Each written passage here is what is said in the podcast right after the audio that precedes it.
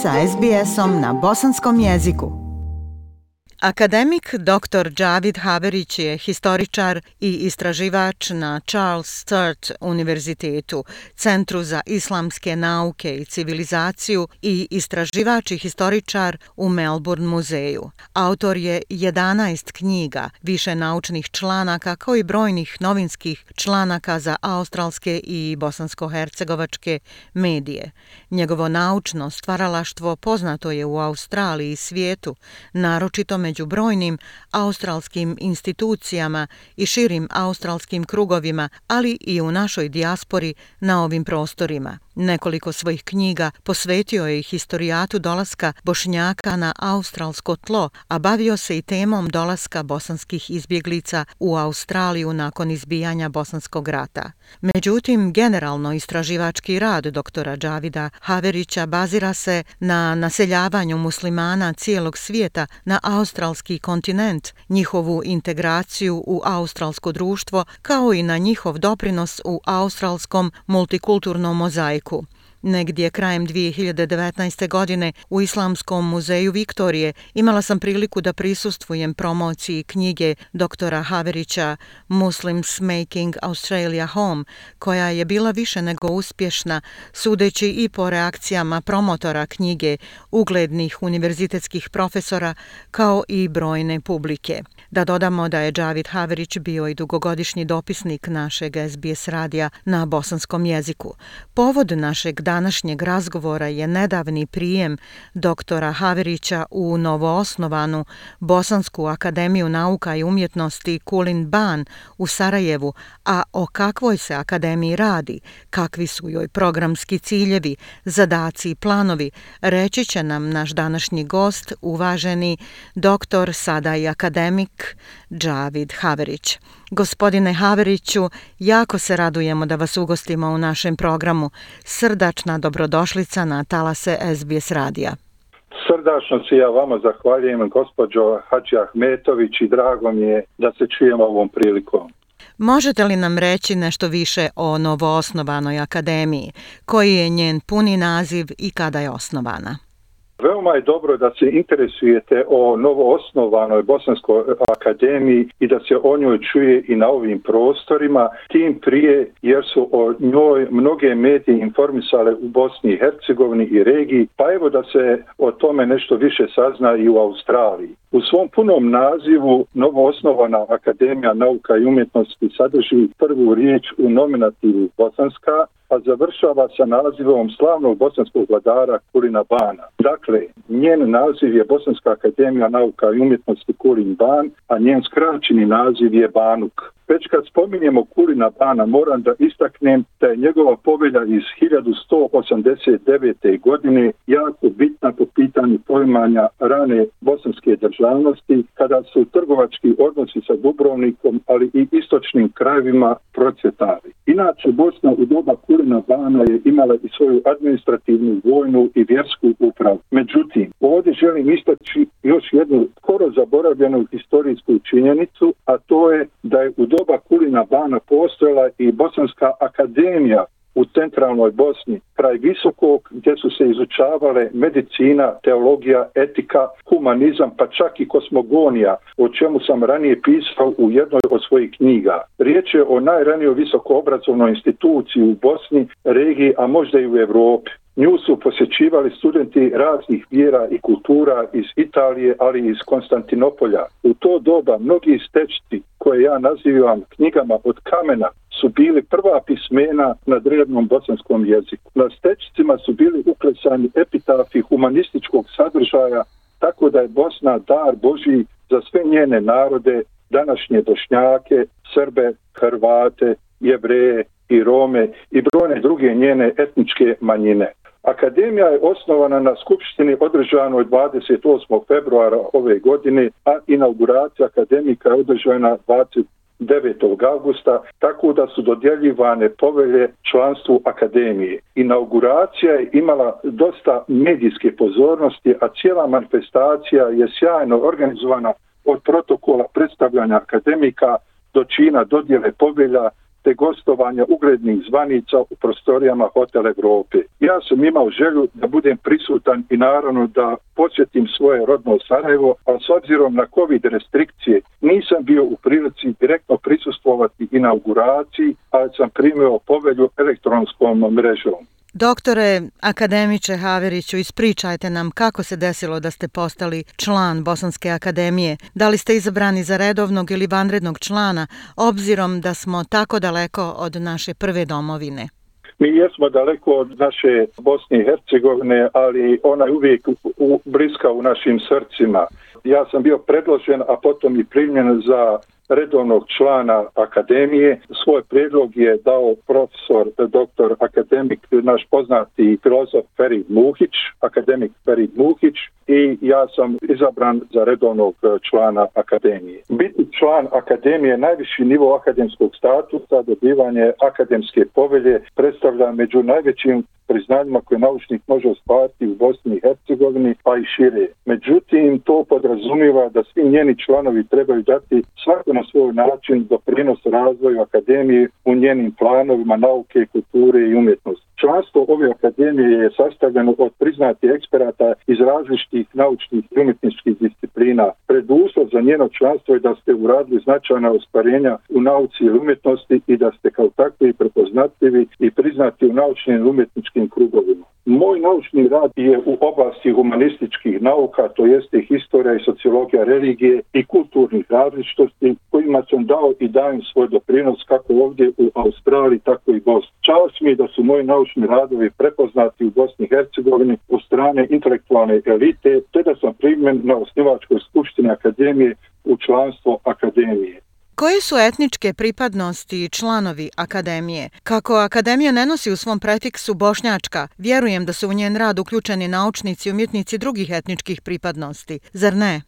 Upravo tako, Ajša, dobro ste kazali. Želim da naglasim da je Banuk multietnička akademija, a to znači da su u njenom sastavu akademici različitih bosanskih etniciteta. Ona simbolizira jedinstvo, toleranciju i razumijevanje kroz bosanstvo. Multikulturni, multietnički i multireligijski mozaik je historijski fakt Bosne, te kroz takvu prizmu treba posmatrati bosansku evropsku kulturu. Takva pluralnost u Bosni postoji stoljećima još od antičkog doba srednje vjekovlja pa do današnjih dana. Taj točak progresa će uvijek se kretati unaprijed istina brže ili sporije jer se kazake ne mogu vraćati unazad, a niti postoji alternativa takvom humanizmu. To podrazumijeva učenje i njegovanje civilizacijskih razlika islama, kršćanstva i judaizma, ali i njihovih sličnosti. Kao takvo, ono ima multidimenzionalni značaj za budućnost Bosne, bez obzira na to što neki to pojmaju ili neće da shvate.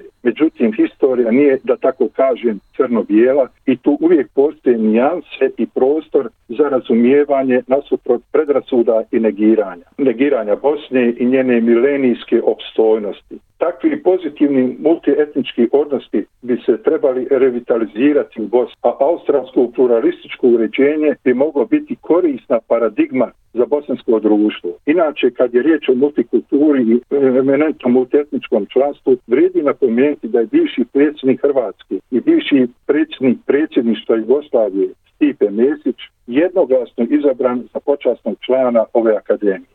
Možete li nam reći nešto više o zadacima i planovima novoosnovane akademije čiji ste član? Kakva vizija Bosne i Hercegovine okuplja njene članove, obzirom da u Bosni i Hercegovini postoji nekoliko akademija nauka i umjetnosti, pored one najstarije državne Akademije nauka i umjetnosti Bosne i Hercegovine, koja je osnovana prije 70 godina? U Bosni i Hercegovini, dakle, postoji Akademija nauke i umjetnosti Bosne i Hercegovine. Ta isto akademija je multietnička, multikulturna i multikonfesionalna. Što se tiče Bosanske akademije nauke i umjetnosti, prema njenom statutu, ona će se zalagati također na definicanju naučno verifikovane historije, jezika, književnosti, umjetnosti, filozofije i etike, odnosno humanističkih, biomedicinskih, prirodno-matematičkih, tehničkih nauka i umjetnosti, kao i unapređenju međureligijske saradnje. Zadaci će se odnositi na popularizaciju nauke i umjetnosti u postizanju visokog standarda u stvaralaštvu. To uključuje promociju tradicionalnih bosansko-hercegovačkih vrijednosti kao integralne komponente sve evropskih vrijednosti.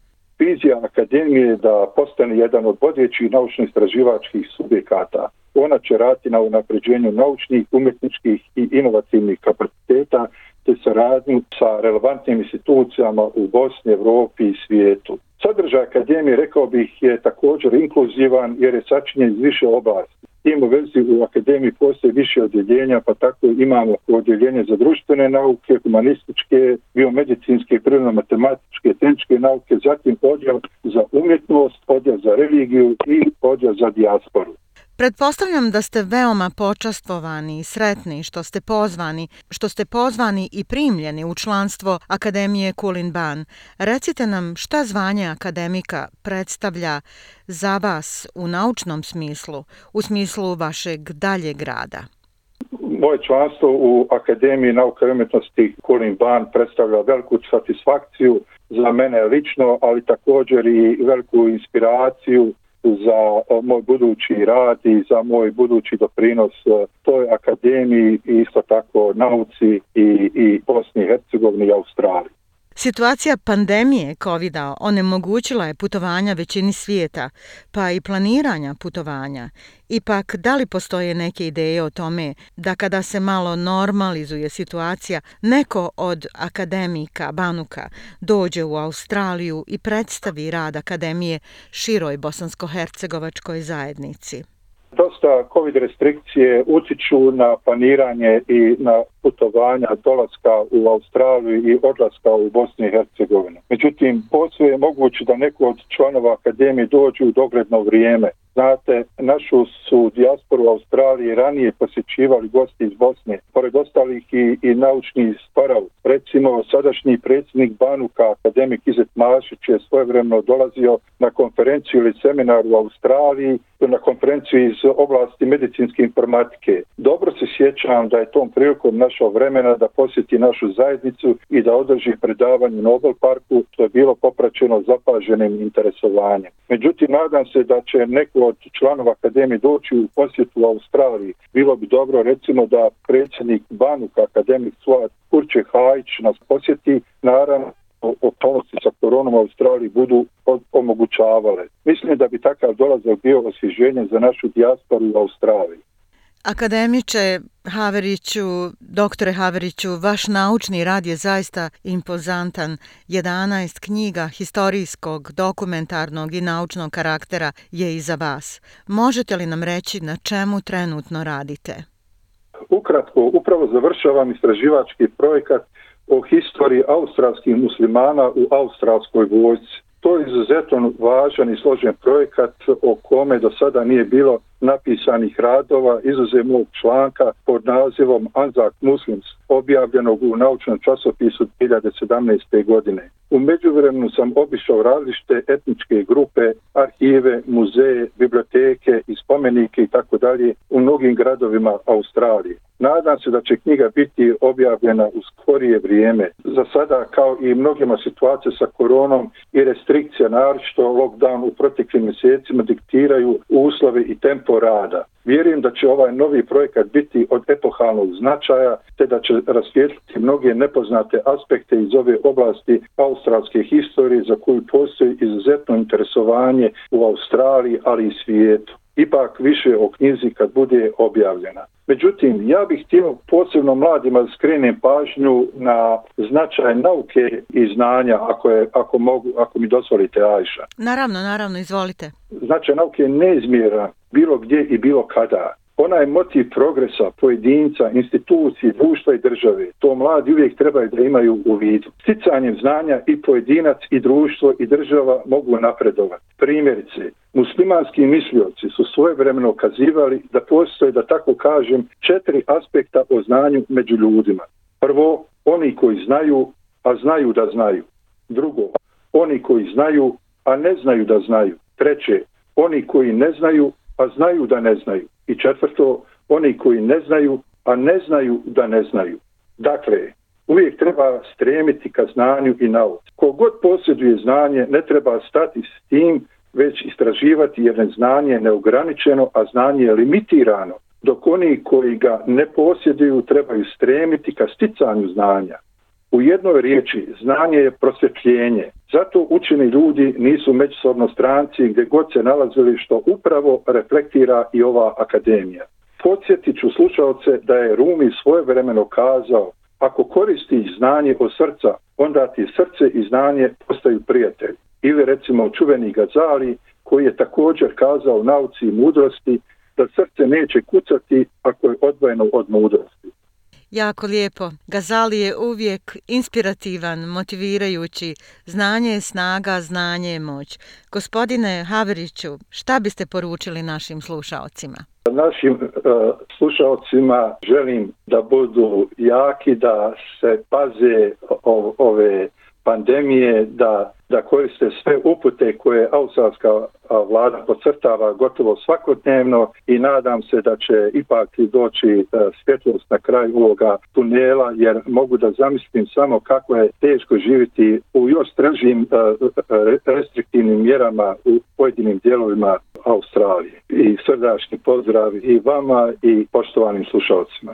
Zahvaljujem vam se na izdvojenom vremenu, ovom razgovoru i lijepoj poruci. Bosanskoj akademiji nauka i umjetnosti Kulin Ban želimo sretan, uspješan i plodan rad, a kao i vama uspješnu saradnju i plodotvoran rad u okviru akademije. Naravno, vama i vašoj porodici puno zdravlja i sreće. Hvala najljepša, Ajša. Hvala vam lijepim riječima. SBS na bosanskom. Podijelite naše priče preko Facebooka. Želite poslušati još ovakvih priča? Slušajte preko Apple podcasta, Google podcasta, Spotify ili kako god da primate svoje podcastove.